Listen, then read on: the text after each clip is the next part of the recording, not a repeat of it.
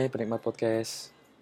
Eh, Assalamualaikum, balik lagi di podcast otodidak yang bahas masalah secara umum dan nggak pernah bahas secara khusus.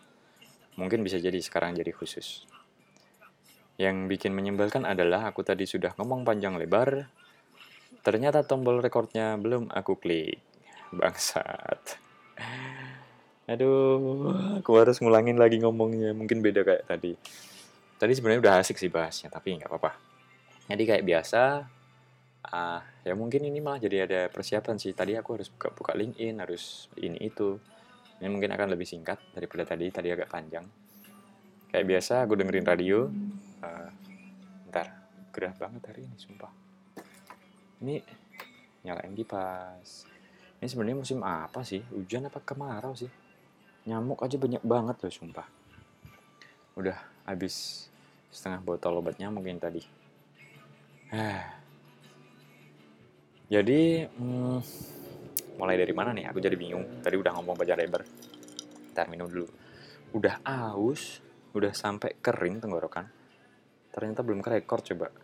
Ya ampun. Jadi sebelum ini nanti topik bahasannya masih berkutat di saran yang ada di postingan LinkedIn. Cuma sebelumnya uh, agak cerita-cerita dikit kayak biasanya. Jadi uh, beberapa waktu lalu beberapa waktu lalu uh, ada aku sama si bos bos bosku di kantor. Itu meeting bahas uh, website homepage-nya uh, punya kantor. Jadi nggak tahu awalnya gimana. Yang kemudian akhirnya kantorku itu uh, milih pihak ketiga buat handle uh, web homepage-nya.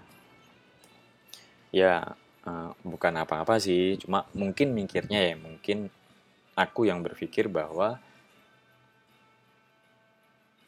developer internal dan desainer internal itu uh, sibuk atau mereka nggak pengen mengorbankan waktu karyawannya internal buat ngerjain homepage gitu.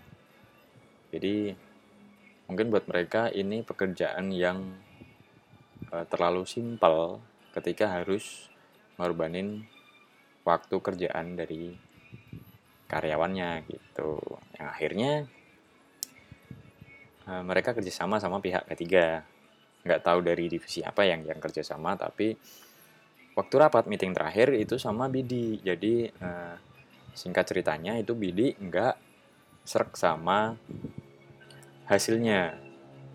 Bukan nggak serak sih lebih ke apa ya eh, komunikasinya itu kayak dua arah yang nggak pernah ketemu gitu. Jadi Bidi minta apa dari pihak ketiga ini eh, profitnya apa itu nah eh, rapat ke kita rapat lebih spesifiknya ke divisi UX mereka bertanya gimana atau apa yang kurang dari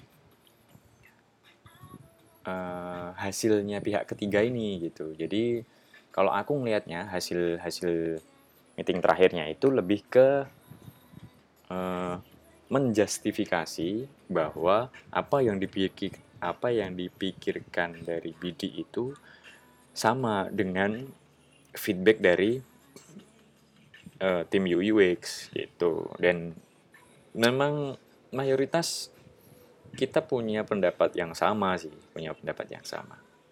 Nah itu cerita singkatnya. Nah yang bikin aku gemes gregeten itu barusan.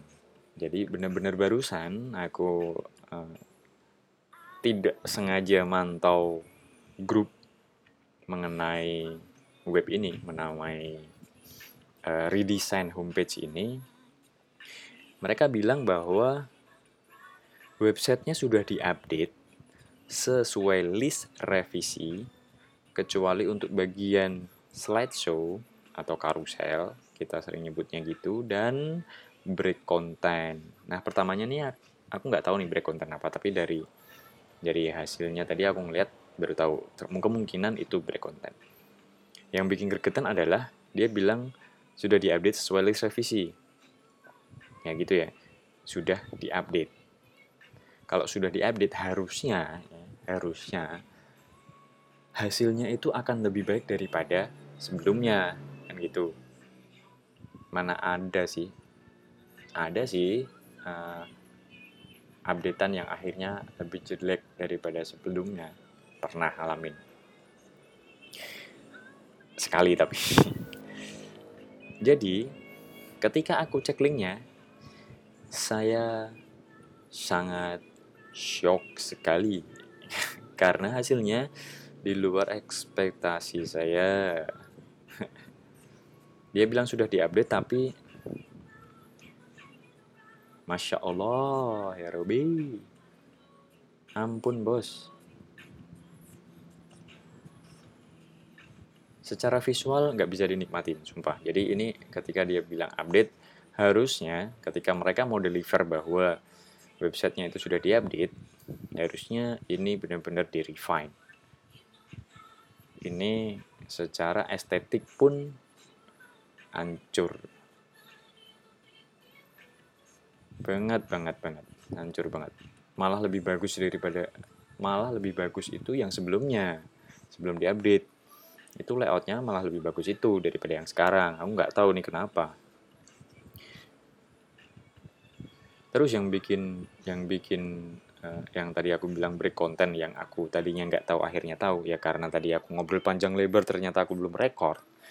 Aku bahas ini kemudian baru lihat oh ternyata kayak gini. Mungkin ini adalah break konten. Jadi yang sa yang aku sesalin, yang aku sesalkan adalah uh, di tempatku itu kan ada anak magang ya, ada anak magang. Dia ya dia aktif nanya-nanya gitu kan. Yang sempat akhirnya dia nanya feedback kemudian aku lihat desainnya kayak gimana. Dan sampai di satu titik aku nyaranin bahwa aku bilang gini ketika kamu uh, desain ketika kamu desain entah itu apa pun desain apa pun ketika kamu itu punya klien yang kamu desain ini meskipun itu hanya dummy sebisa mungkin konten yang ada di dalamnya itu realistik. Jadi bukan uh, bukan apa ya, bukan konten yang uh, sebenarnya dari kliennya karena bisa jadi kliennya itu belum ngasih konten yang kamu butuhin, tapi realistik di sini itu uh, konten yang benar-benar bisa dibaca, punya makna, dan terkonsep gitu. Jadi misalnya eh, aku desain pop-up model eh, itu dipakai untuk info atau warning misalnya. Katakanlah aku desain untuk warning ketika eh, user itu akan logout Sedangkan, sedangkan anggap saja kita nggak punya konsep kata-katanya nih. Konsep kata-katanya mau kayak gimana? Kadang kan eh, ketika kamu logout akan beda-beda ya. Jadi di tiap-tiap website atau aplikasi itu beda-beda. Ada yang serius kamu akan logout atau uh, dengan klik continue kamu akan ke logout atau 15 menit lagi kamu akan logout otomatis. Itu kan macam-macam kata-katanya. Tapi ketika kita belum punya kon, belum punya kontennya atau wordingnya dari klien, kita bisa ngasih konsep dulu. Misalnya, yakin Anda akan keluar kayak gitu. Nah di sini tuh enggak, cuy. Di di si pihak ketiga ini dia pakai lorem ipsum.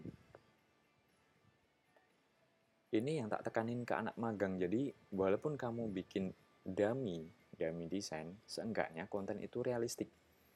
Jadi uh, konten yang benar-benar itu punya konsep. User itu akan tahu. Jadi nggak mikir ketika misalnya kita bikin pop up modal kemudian tak kasih lorem ipsum buttonnya cuma oke okay sama cancel. Dia akan berpikir itu modal buat apa. Kalau tak jelasin buat logout pak. Mereka akan berpikir terus nanti tulisannya apa itu akan lebih panjang mikirnya. Iya walaupun kalau misalnya kita bandingin dengan kita ngasih uh, konsep teks dengan kita ngasih dummy text lorem ipsum bedanya cuma sepersekian detik. Tapi itu kebuang sia-sia. Itu misalnya baru satu pop-up doang. Kalau misalnya kita punya 20 screen milisecondnya ini kita kali sekian screen. Per screen itu akan bahas macam-macam juga. Itu akan lama makan waktu kita lebih enak nggak pakai nggak pakai damilar ipsum. Makanya di sini uh, sangat disayangkan ketika bisa buat anu ya bisa buat catatan buat yang lain buat aku sendiri juga kalau bikin dummy text mending uh, kita punya konsep teks itu akan kita kasih apa. Yang yang bikin aneh adalah mereka itu mereka itu punya uh, punya brief. Jadi mereka itu udah dikasih brief. Karena jelas-jelas di sini dia uh, kecuali untuk di bagian slideshow dan break content. Yang image-nya akan dipilih di hari Senin. Ngapain harus nunggu Senin? Kalau memang Senin kenapa delivernya nggak Senin aja? Kalian tinggal report bahwa maaf pak uh, secara visual belum belum kita perbaiki cuma sudah di layout. Itu ya. Udah bisa di layout jadi kalau untuk visual yang lebih baik kita akan deliver Senin kalau memang bapak atau klien memang membutuhkan uh, bukti progres kita kasih jadi kalau ini tulisannya itu sudah diupdate sesuai list revisi. Enggak, ini enggak sesuai list revisi. Karena tampilannya hancur. Oh, mau ngotot-ngototan sama aku. Ngotot bisa. Bukan karena aku sih tapi itu kenapa? Itu kenapa saya selalu uh, selalu mendukung para karyawan untuk tetap jadi karyawan. Ngapain? Ngomong apa sih?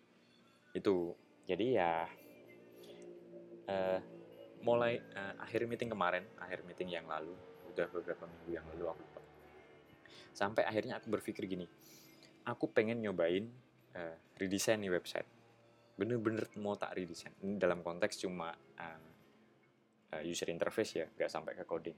Jadi bener-bener tak desain. Uh, buat nanti yang penasaran bisa nunggu di uh, LinkedIn atau Dribble. Buat yang kalian suka uh, bertanya-tanya dan ngejek saya punya dribble atau enggak punya. Uh, walaupun saya nggak pernah kok jadi saya? Walaupun aku nggak pernah ngupdate dribble tapi sejelek-jeleknya kayak gini tetap punya dribble oh iya aku baru ingat ntar aku tuh dribble punya uh, invitasi sih sebenarnya punya invitasi nggak tahu nih Berlaku sampai kapan?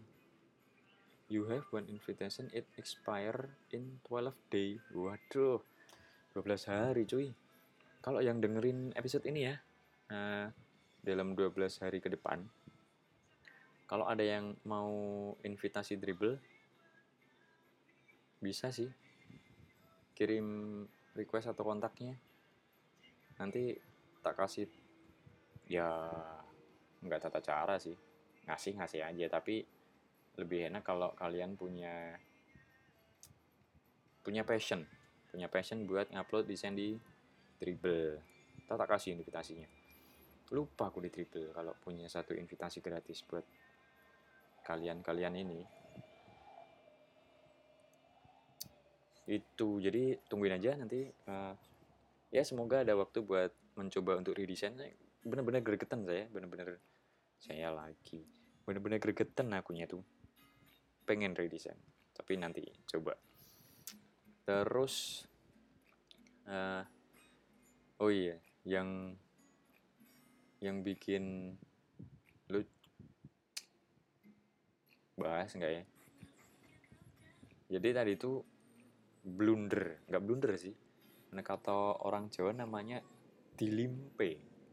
Dilimpe ya apa bahasa Indonesia nya jadi kayak misalnya gini. Uh, kamu mau ambil gelasnya temenmu tapi temenmu uh, kamu bilangin eh di sana ada burung. Dia nengok kamu ambil gelasnya kamu minum kamu habisin. Nah itu di dilimpe bahasa Indonesia nya apa ya? Bisa ngasih tahu ya? Uh, bahasa Indonesia nya itu uh, apa?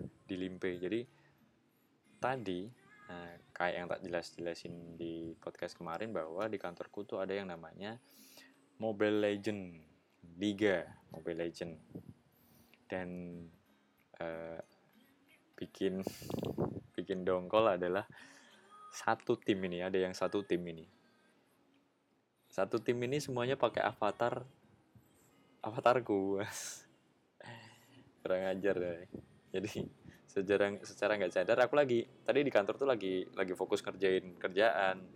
Nah, aku mereka baru udah bahas lama gitu nah, aku baru bahas sorenya baru tak lihat. Anjing nih orang. Pakai avatar. Aduh parah parah tapi ini ini orang-orang gila nih mereka nih. Tapi di kantor kalau nggak ada mereka nggak nggak rame sih. Jadi ya uh, senang-senang aja sih dikerjain mereka. Asal nggak sering-sering aja. Oke jadi balik ke topik nih uh, mau bahas yang ada di LinkedIn. Jadi karena yang episode-episode kemarin itu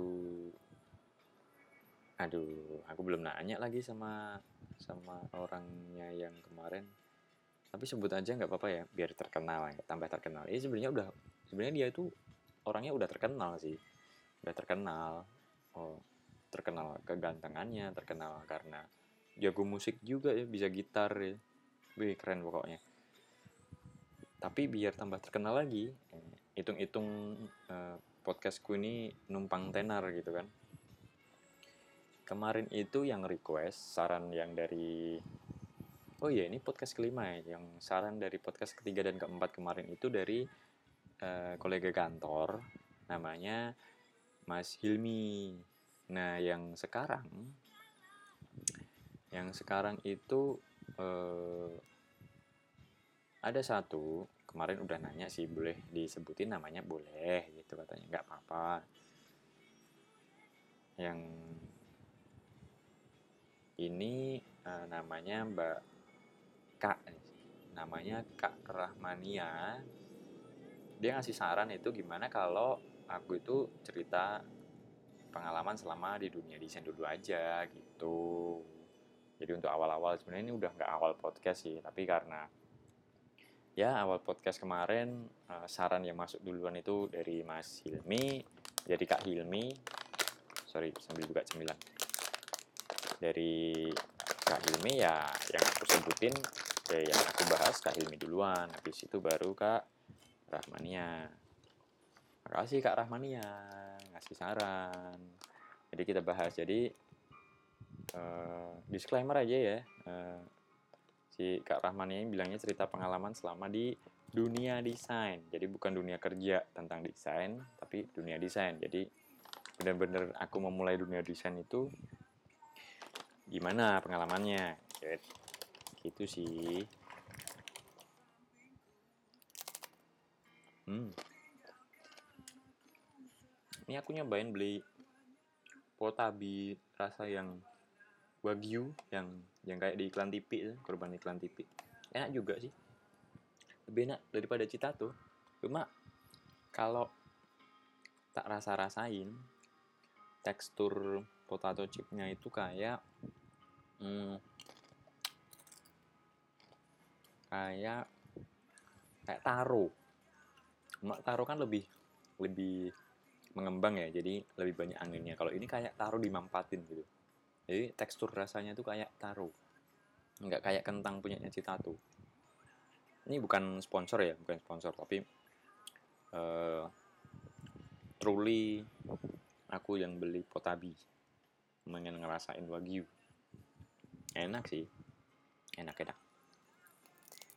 Hmm, balik. Hmm.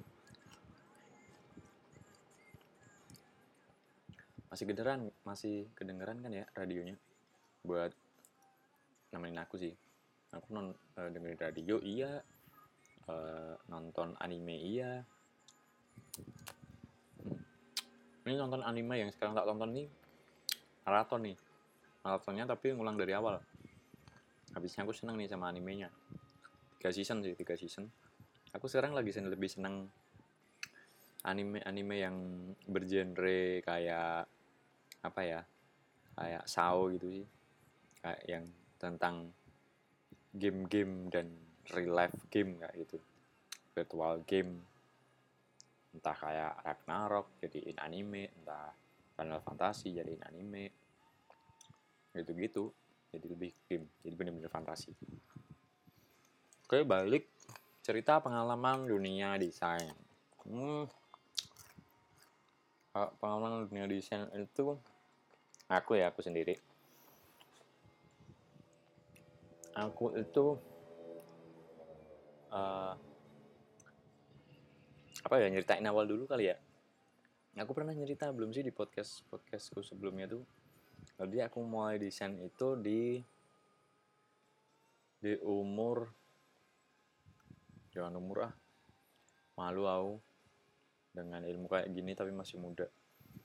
Jadi uh, di tahun tahun berapa sih ya? Tahun tahun tahun tahun tahun 98 apa ya?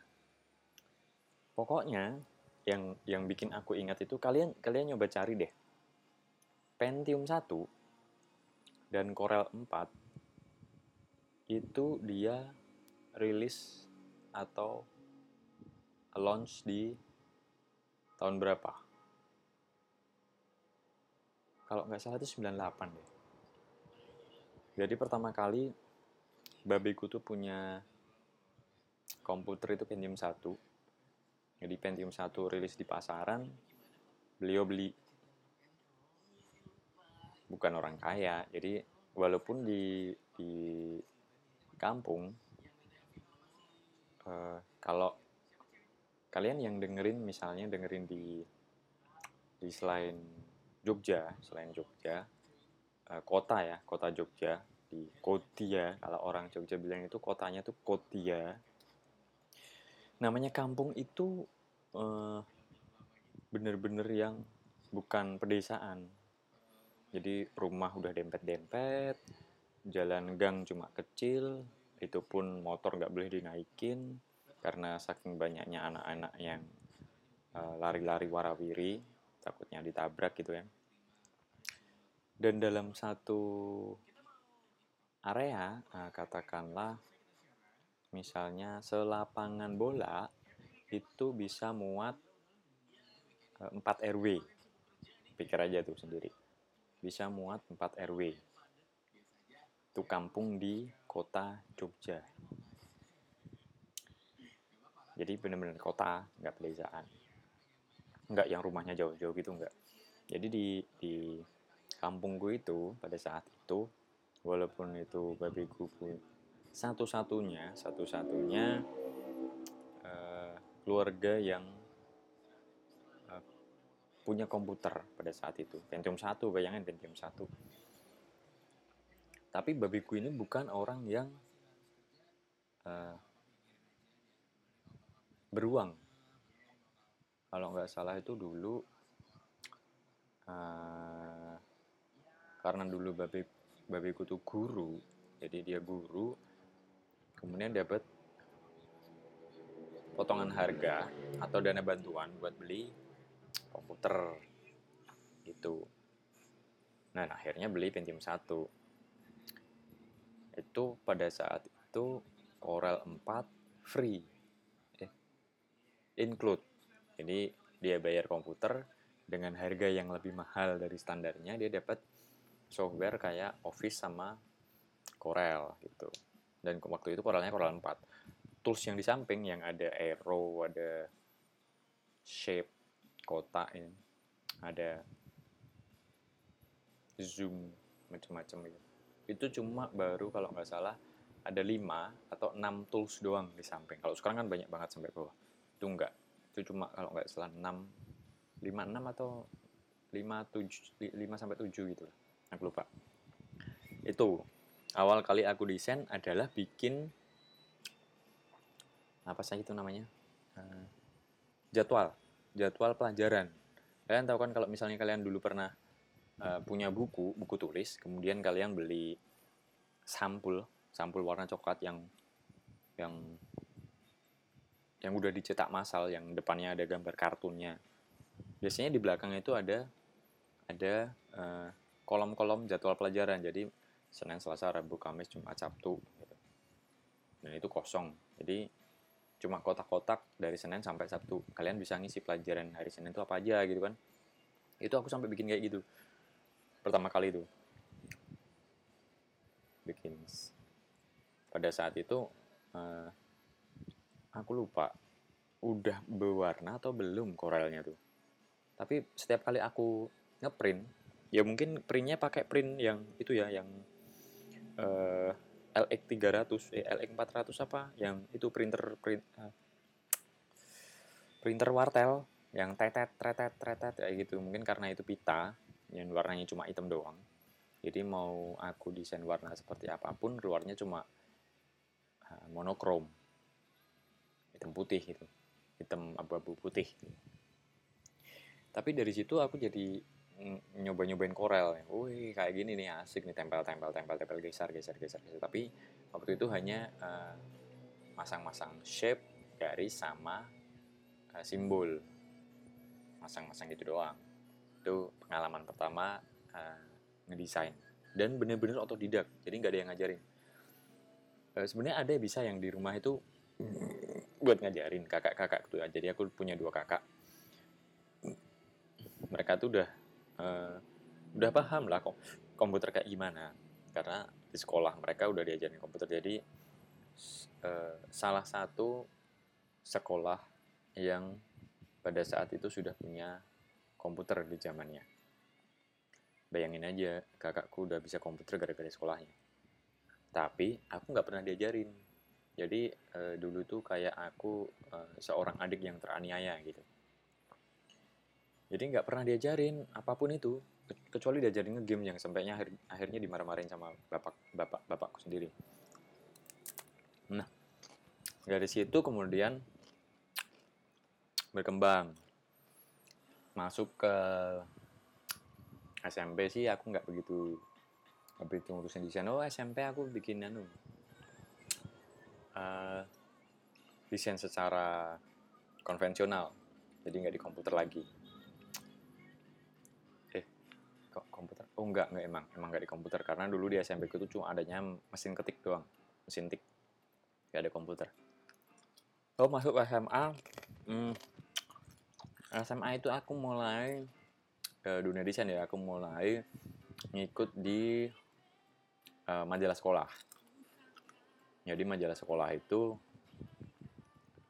kerjasama sama salah satu guru yang punya percetakan buat nyetak majalah sekolah.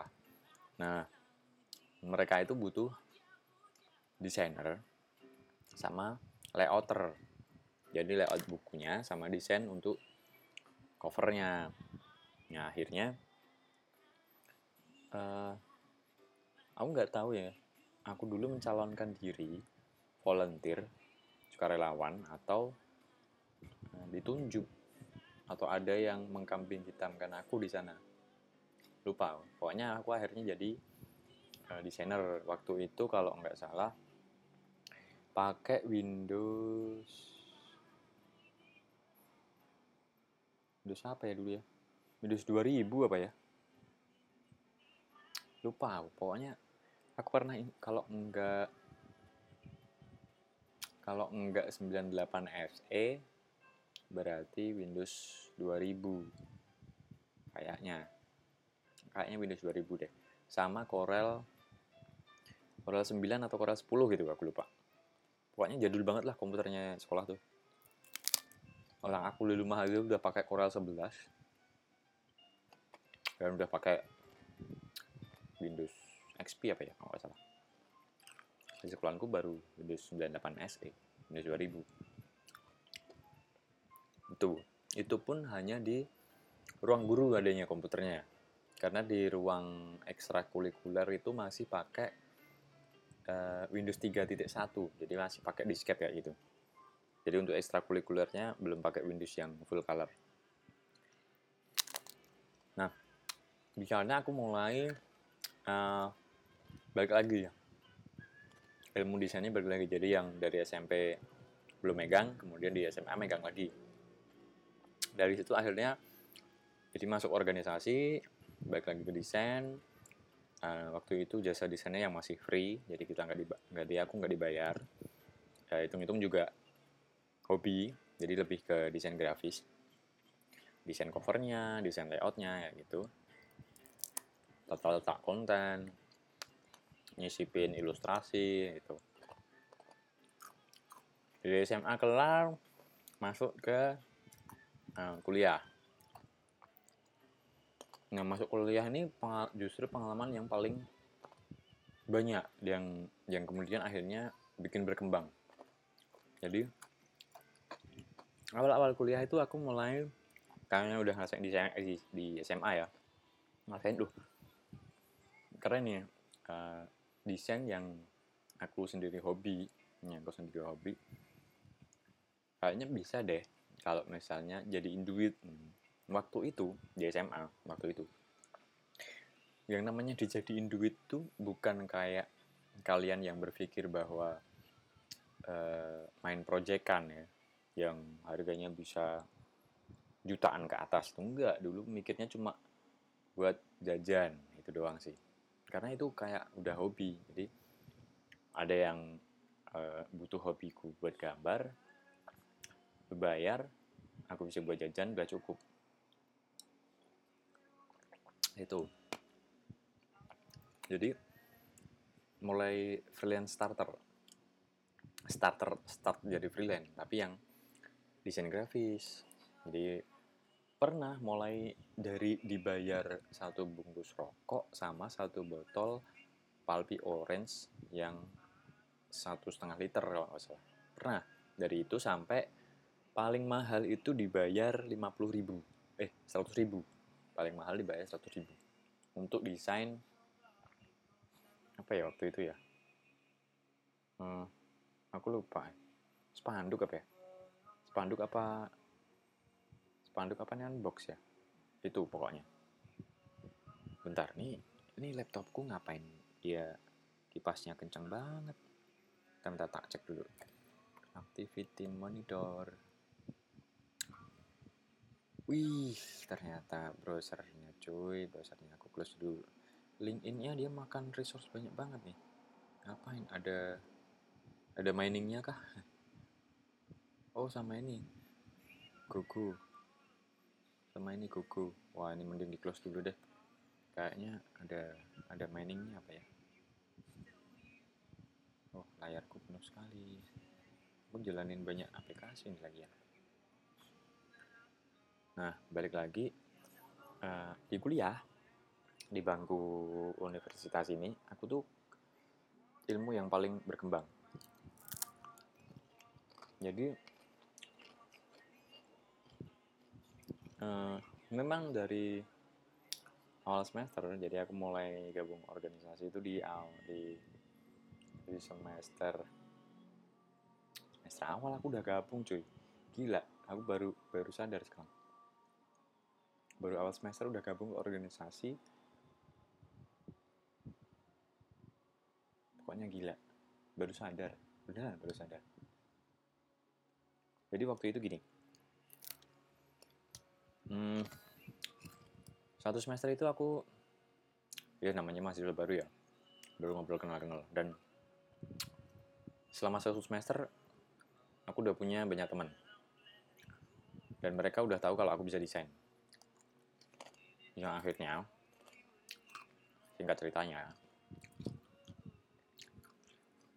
temanku nih jadi di kampus itu ada uh, apa istilahnya pemilihan ketua himpunan mahasiswa.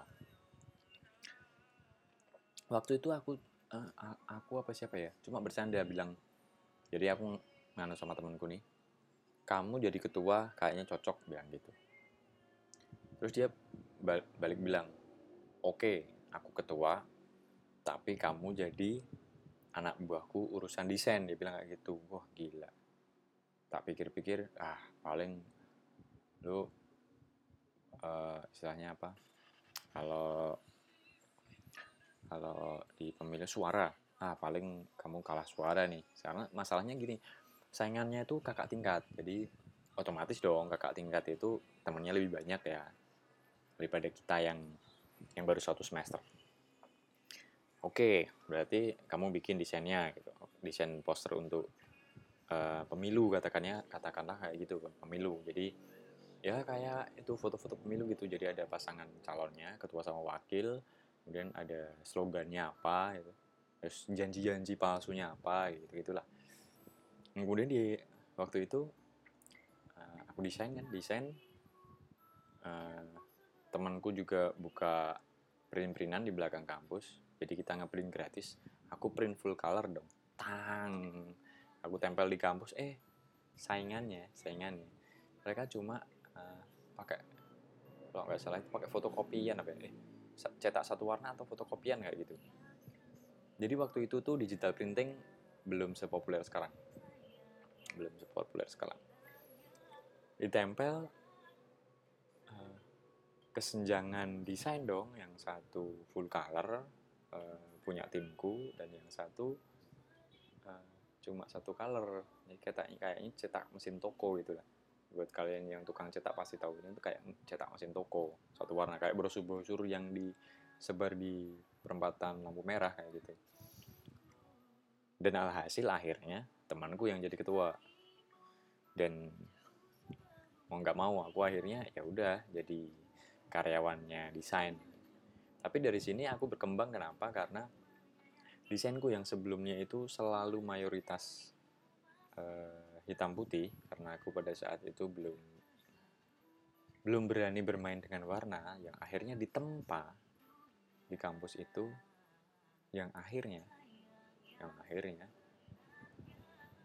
berani untuk bereksplorasi dengan warna sampai akhirnya mau nggak mau nih mau nggak mau nyari informasi tentang pemaduan warna baik itu secara psikologi atau secara uh, ketertarikan warna. Jadi ketertarikan warna tuh ya, simpelnya gini. Ketertarikan warna antara pink sama biru.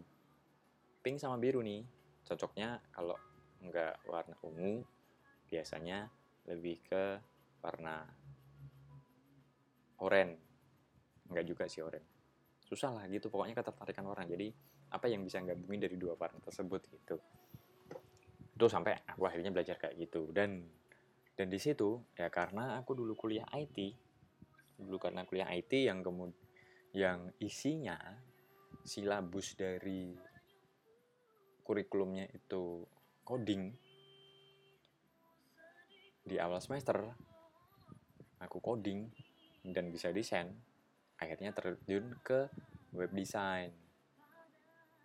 Web design itu pertama kali aku uh, pertama kali aku ngulik pertama kali aku ngulik web design itu di Friendster sama uh, Blogger. Jadi kalau dulu Friendster itu bisa diotak-atik HTML-nya sama blogger itu juga bisa diotak-atik HTML-nya. Kalau yang sekarang kayaknya pakai XML deh. Bisa sih di revert ke klasik HTML, tapi aku lupa. Kalau sekarang bisa apa enggak? Itulah. Jadi pertama di situ. Dari situ, jadi dulu itu belum ada yang namanya uh, eh, UI UX kayak sekarang. Jadi kalau sekarang kan lebih spesifik ya. UI designer, nah, kemudian ada UI engineer, kemudian ada UI researcher atau UX designer, UX researcher, product designer, behavioral researcher, behavioral designer gitu, macam-macam. Customer experience, customer designer, macam pokoknya. Kalau dulu enggak, kalau dulu tuh satu paket. Jadi kalau kamu ngomongin web designer, mulai dari kamu konsep, bentuk wireframe bisa jadi atau oret-oret tantangan. Kemudian ke mockup ke mockup desain. Mockup biasanya kalau dulu tuh dilewatin, jadi dari wireframing orat-oratan flow atau minimal flow chart langsung ke desain HTML, kemudian baru ke back end. Kalau sekarang kan enggak, kalau sekarang uh, runutnya panjang, Ur urutannya panjang gitu. Jadi kalau yang namanya web designer itu full stack, itu keren dulu. Nah, ya sampai akhirnya jadi uh, freelance, freelance web designer dan desain grafis. Masih berkutat di freelance. Tapi yang ini freelance-nya udah ya mencapai nominal di atas atas 500 ribu lah lumayan pada saat itu. Ya bisa buat nutupin biaya kuliah waktu itu. Kemudian dari sana uh, di semester semester pertengahan kuliah mulai keteteran karena aku masuk ke corporate nih uh, ikut ke corporate aku mikirnya dulu gini ketika aku kerja di corporate uh, gajiku per bulan ada aku bias, bisa biayain kuliah tapi ternyata enggak aku masuk corporate, gaji bulanan ada, tapi kuliah keteteran karena waktuku capek di kerjaan. Tapi dari sini, dari sini aku jadi tahu uh, dunia kerja seorang desainer itu kayak gimana. Gitu. Jadi tektokan sama orang, uh, requirement design, kemudian gimana kita ngelihat uh, apa ya isinya, brief, baca brief, kemudian kita ngelihat konsep, kita ngelihat uh, skema, kita ngelihat kultur yang kemudian kita terapin ke desainnya. Oh, kantor ini tuh desainnya cocoknya kayak gini. Kantor kayak gini tuh cocoknya kayak gini ya gitu. Itu lebih kayak gitu. Corporate udah yang akhirnya uh, memutuskan memutuskan untuk nggak nerusin lagi kerja di corporate karena bener-bener yang apa ya waktunya tuh tersita banyak tersita banyak akhirnya uh, beralih ke uh, agensi agensi nyari yang uh, bisa remotely. Jadi sebenarnya hampir kayak freelance. Cuma ini tuh kita kerja full time tapi kita nggak dipatok mulai dari jam berapa sampai jam berapa. Jadi biasanya kerjanya malam. Aku kerjanya malam lebih enak malam. Jadi uh, kalau sekarang bahasanya uh, working remotely. Jadi kerja remote jadi agensi desain uh, apa pun dihajar di sana apa pun dihajar mulai dari uh, web design web di kalau kalau pada saat itu web design bener-bener yang uh, user interface doang, jadi nggak coding. Web design dihajar, kemudian uh, apa? Kayak brosur, brosur. Tapi mereka lebih ngejarnya ke anu sih, klien mereka corporate sih pada saat itu.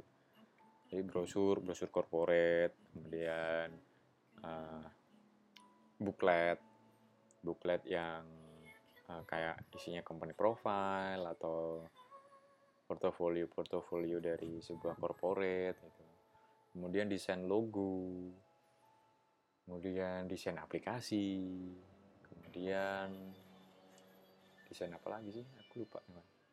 Banyak pokoknya. Jadi di agensi itu kalian bisa bis, bisa ngembangin wawasan dan bisa ngembangin skill. Kalian bisa lebih tahu desain itu banyak macamnya. Buset, ini aku baru ngomongin agensi. Ya mungkin habis ini langsung kelarin aja. Nih udah lama banget ngobrolnya. Pengalaman pengalamanku nggak penting tapi panjang. Nah dari agensi. Akhirnya sekarang akhirnya sekarang uh, sebelum sebelum sekarang ya dari agensi itu aku memutuskan untuk uh, berhenti Kenapa? Karena di satu sisi uh, waktuku udah nggak banyak nih di malam hari itu waktuku udah nggak banyak. Kemudian udah nggak bisa manage waktu, yang akhirnya harus stop buat beresin kuliah, buat beresin kuliah. Benar-benar keteteran waktu itu. Akhirnya kuliah udah kelar. Kemudian ada tawaran masuk ke startup. Kan. Masuk ke startup. Sekarang startup yang sekarang. Awalnya itu aku masuk sebagai desainer grafis graphic designer tapi graphic designer ini lebih ngarahnya ke desain corporate. Jadi mulai dari desain untuk presentasi desain booklet desain kartu nama desain stand banner kayak gitu. Lebih ke situ. Yang kemudian eh, singkat ceritanya eh, aku ditawarin untuk dimutasi ke UX gas aja kan ya gas aja eh walaupun belum punya ilmunya mah otodidak itu banyak. YouTube ada sampai sekarang. Jadi uh, sekarang aku di UX pas ikutnya lebih ke mobile. Ada juga sih aku megang web tapi aku lebih spesifik ke mobile. Gitu. Jadi pengalaman di dunia desain. Singkat sebenarnya banyak yang mau tak ceritain tapi balik kepanjangan nih udah. 40-an menit coba. Kalian capek dengerin nanti. Jadi gitu. Untuk yang episode berikutnya mungkin ada yang bisa request boleh sih. Apa pun itu ya selama aku bisa jel, selama aku bisa ceritain. Kalau aku nggak paham ya nggak mungkin aku ceritain ya jadi gitu. Ya ini. Semoga bisa jadi bahan kalian untuk